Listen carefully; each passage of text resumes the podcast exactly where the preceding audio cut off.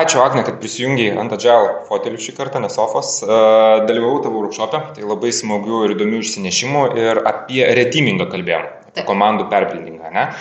Tai tam tikrų va, tokių klausimų galvojau klausydamas tavęs. Um, kertinis, mes daug šnekėjom iš tikrųjų ir tu tą asmeninį um, ryšį tarp žmonių mhm. akcentavai, ar ne, komandoje būtent, nes kuo daugiau vieni apie kitus žinosim, tuo daugiau pasitikėjimo turėsim, tuo, tuo geresnė komanda tapsim. Taip.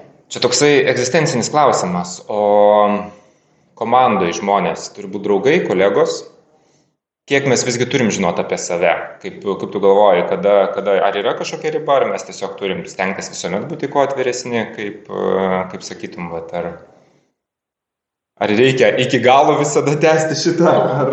Geras klausimas. Iš tikrųjų, tai um, labai priklauso nuo žmogaus, kaip ir dauguma turbūt atsakymų, bet uh, mes turime galėti vienas kitam būti atviri situacijose, kurios yra kitokios, nei mes tikėjomės. Pavyzdžiui, nebijoti pasakyti, kad mes feilinom. Mhm. Arba atnešti kažkokią negatyvų feedbacką. Ir aš manau, kad mes turim bildintis uh, tol, kol mes jau galim tai pasakyti, iki tol, kol dar galim tai pasakyti. Mhm. Nes uh, aš iš tikrųjų esu mačius situacijų, kai komandos susibildina iki tiek, kad jom taip faina, kad jos pradeda vengti sunkių temų, nes jos prioritizuoja tą tokią draugystę, mm. jo, ir, ir tada tas pasitikėjimas, jisai tarsi nueina į kitą lygį, kad um, tu nori turėti tą draugą ir tu gal nebepasitikė, ar ta draugystė bus tokia, kaip buvo, jeigu tu pasakysi, kad šitoje vietoje nu, kažkaip netaip susidėliojo, kaip turėjo susidėlioti. Tai aš akcentavau tą turbūt atvirumą e, ir aš visada akcentuoju visose komandų etapuose, bet ypač pradžioje, nes tai yra labai stipriai varant jėga komandom judėti į priekį ir atsispirti. Bet visą laiką reikia prisiminti, kad dienos pabaigoje mes šėrinam kažkokį outcome, kas ir yra komanda, ar ne, mhm. mes esame už jį atsakingi kaip komanda ir tai reiškia, kad kartais mes turim turėti nepatogius pokalbius ir mūsų santykis tam neturi trukdyti. Ta prasme, mums turi būti saugu apie tai kalbėtis mhm. ir mes neturėtume to vengti. Būti pakankamai atviri, bet vėlgi galbūt e, vengti nueiti į tą, kai jau bijom kažko pasakyti, nes įžeisim draugą ir tada, kaip sakant, vakare į barą jau bus sunkiau eiti. Taip, exactly. Supratau. Um, bet ar įtimingo dar dalis, ar ne? Nu visi su to susiduria. Komandos. Taip. Vienai per kitaip. Augančiose kompanijose jos auga, jos keičiasi, kažkokiose korporacijose įvairius reorganizacijos vėl kažkas keičiasi. Bet bendrai tavo požiūriu, ar komandas reikia stengtis, čia taip skramas, ne, pagal tą skramą vertybę, pažiūrėjau, šnekam, kad uh, turim komandą stengtis išlaikyti tokią, kokia jinai yra, keisti galbūt jom produktus, nu kažką naujo, jos tiesiog susigyvens su to produktu, įsivažiuos, bet vat, tą dinamiką išlaikyti būtent tos esamos komandos. Kiek tu sutinki vat, su šito skramo požiūriu, ar, ar kaip tik sakytum, sveika pasikeisti kartais? Um, aš šiaip visai esu proponentė Fluid Teams koncepto mhm. labiau. Um, taip aš suprantu tą argumentą kad žmonės dirbantys kartu jau pažįsta vienas kitą jie galbūt greičiau performina ir taip toliau a, bet tada yra skeildinimo problema. Mhm. Ir man atrodo, kad ta skeildinimo problema, kurią atneša stabilios komandos, kurias tu gali paliesti, yra didesnė negu problema subildinti žmonės, kad jie pasitikėtų vieni kitu. Mhm. Tai turbūt kiekviena organizacija turi pasižiūrėti, kokios yra rizikos, kokie yra pliusai, kokie minusai ir ką jam yra lengviau padaryti, o ką sunkiau. Ta prasme, kurią problemą jam yra lengviau išspręsti ir eiti tuo keliu, kaip jam yra lengviau. Jeigu jam yra a, lengviau turėti stabilias komandas, nes jie tikrai a, jam yra iššūkius subildinti žmonės ir kažkokiu būdu pradėti tas startupinti komandas, tai nu, gal tada jau geriau jo turite jas stabilias. Mhm. Bet jeigu yra long terminis tikslas skylinti tą daryti efektyviai ir, ir a, iš esmės galima susikurti tuos enablerius, kurie leistų komandom judėti lengvai vieni tarp kitų. Ne? Mes šiandien per workshop apie tai kalbėjom, kad yra faktoriai, mhm. kurie iš esmės įgalina tą komandų pokytį.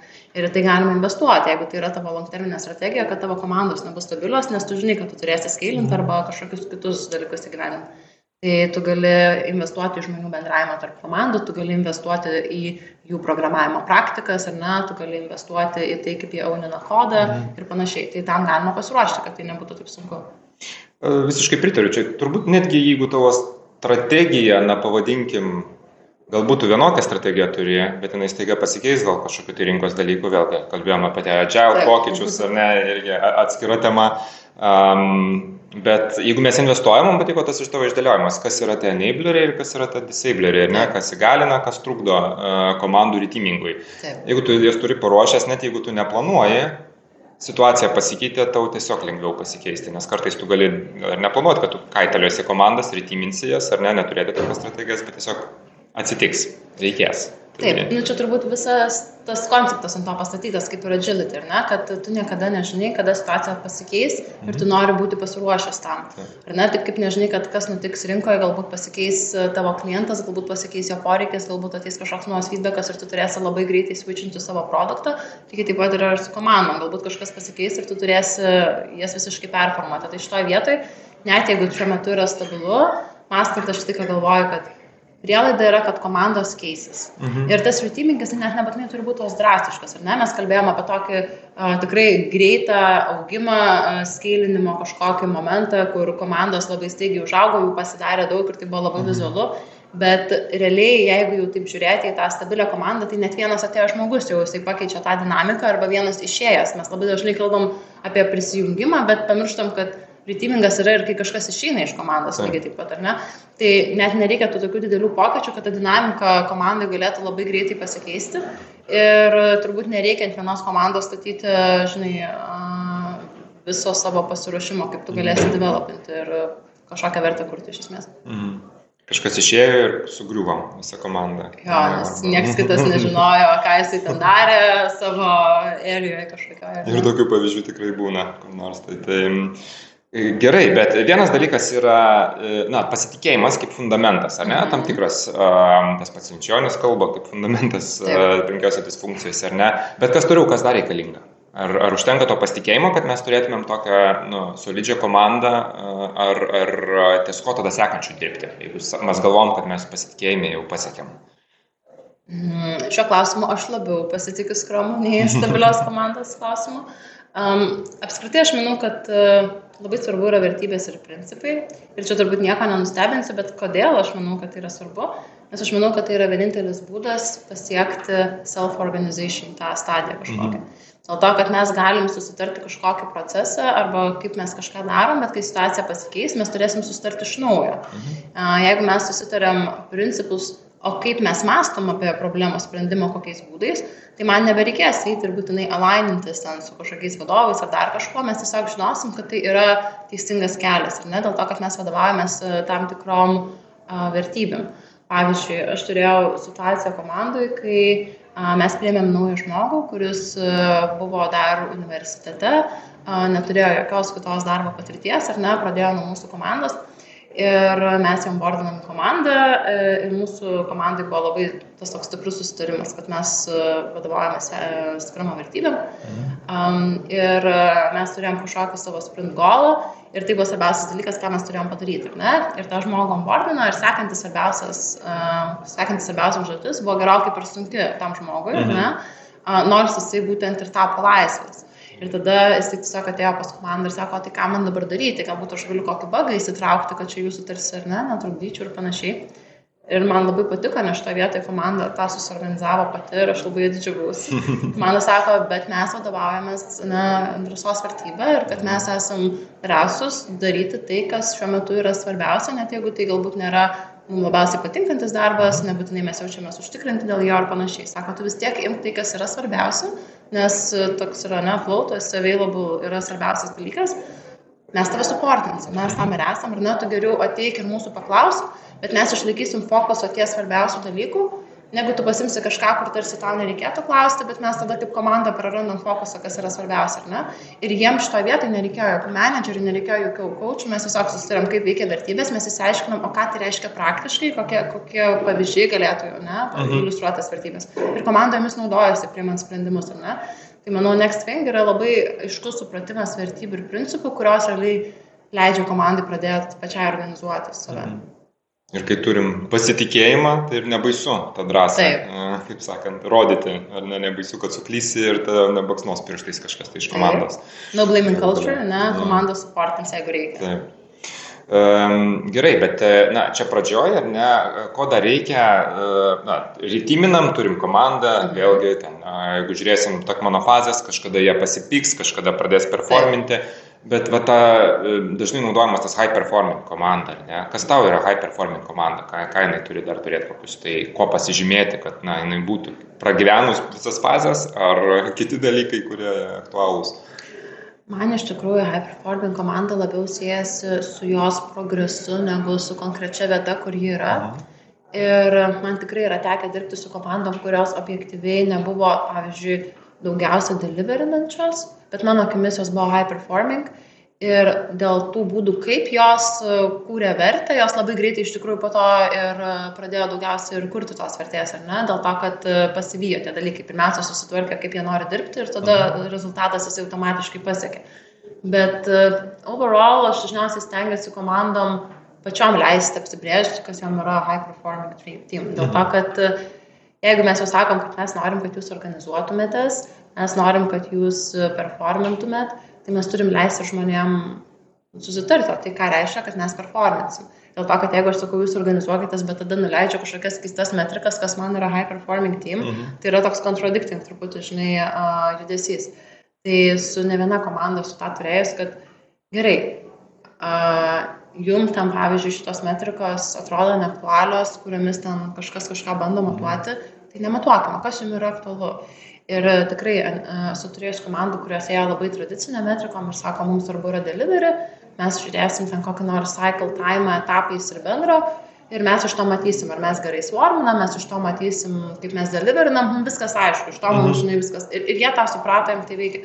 Aš turiu komandą, kuriai buvo kiti aktualūs dalykai, nes jiems kiti dalykai tuo metu buvo kliuvinys tapti high performing, kaip mhm. jie įsivaizdavo, ar ne, kad tai yra tas pasitikėjimas, kad mes dirbam kartu, mes esam sustarę, mes deliverinam vertę, mes tą vertę pasitikrinam ir panašiai.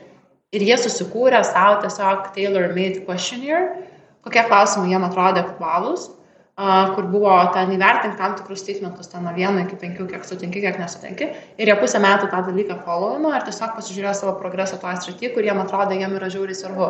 Mhm. Ir tą dalyką komanda, ar ne, vėlgi, ta prasme, idėja, kad jūs turit uh, sekti, ar ne, kaip jums sekasi, atnešiau aš, bet jie tą darė patys, ar ne, kad jo, mes norim save sekti, mes norim suprasti, ar mes performinam, o tai ką reiškia performinam, tai susitariam, ką mums tai reiškia, ne ką man reiškia, ką mums reiškia. Mhm ir tada nu, iš to išplaukia ir kaip mes tą matuosim. Mhm. Tai žodžiu, vėlgi, transparency ir ne ta kultūra atvirumo, kad e, nes e, lengva savo susidėti tada metrikas, kurios ant popieriaus gražiai, arba prabalsuoti, kad atrodyčiau gražiai, ar ne, an, tarsi, bet jeigu turėsim tą pasitikėjimą ir transparency, tai atvirai ir žymėsim, kaip jaučiamės ir kaip. Nu, klausimas, kas naudos tas metrikas. Mm. Nes aš visą laiką komunikuoju, kad, e, tarkim, šitos metrikos, jos nėra įvertinti ten, jūs kaip ten darbuotojus kažkokius, jos yra jum kaip komandai, kad jūs galėtumėt matyti, kuris gali tobulėti. Taip. Tai e, tos metrikos niekur ir nenukeliauja. Tai prasme, jeigu komanda nori, gali jomis dalintis. Bet iš esmės tos metrikos yra viduje tam, kad komanda matytų, kur jie gali tobulėti, nes tikslas yra tobulėti ir čia turbūt jeigu jau vat, mano asmeniškai sakau, ne kur komanda yra, o kur jinai nori būti, vat, tas progresas, kad jinai norėtų tobulėti. Ir tada jie gali patys naudotis, tai nėra reikalo jas fake, nes tu tik pats save tada būdinėsi, tai nėra kažkok, žinai, kažkam parodyti, kaip mes performinam, fine. Dėl to, kad nesmė, kaip tu dabar performini, nesmė, kur, kur tu nori būti, jeigu komandos lygmenėmis kalbam apie mhm. tobulėjimą, ar ne? Tai jo, tai yra grinai team level metrics ir apskritai, coachindama tiek atskirus žmonės, tiek komandas, aš visą laiką labai stengiuosi tą daryti kad asmeniškai, kad žiūrėk, čia yra kažkoks įrankis, tu gali pagal tai įsivertinti, jeigu tu nori, tai tu ten parodyk savo vadovui, bet tai nėra managerial tool, tu prasme, mhm. tave įvertinti ir pagal kažkokius klikus, žinai, pažiūrėti, kaip tu performini. Ne, čia yra pasižiūrėk, kur tau gerai sekasi. Aš buvau savo pati susikūrus įrankį, kur aš ten realiai prisiskaičius krūvą knygų, pasidariau samarį, žinai, kaip aš įsivaizduoju, ką turėtų daryti, kokiuose srityse turėtų ir kaip performinti skramasteris, kai dar mhm. buvau skramasteris, žinai. Ir e, aš įsivaizdavau, kad mano pati silpniausia vieta yra facilitation. Mhm. Ir tada aš save, žinai, įsivertinau. Ir tada daviau lygiai tą patį anonimiškai, žinai, visom visom komandom įvertinti. Ir mano facilitation buvo geriausias, ten visiškai topas, tipo 5 iš 5. Ir aš galvoju, o, nu tai yra labai įdomu, nes aš save vertinu visiškai kitaip. Ta prasme, mhm. pasirodo, aš, nu, padedu jiems susitikimuose. Ar ne? Ir tada aš galėjau susirasti, kur iš tikrųjų man verta fokusuotis kad aš galėčiau, nu, tada daugiau padėti dar komandom, kuriam atrodo, kad galbūt e, mažiau aš padedu, man atrodo, kad galbūt daug padedu.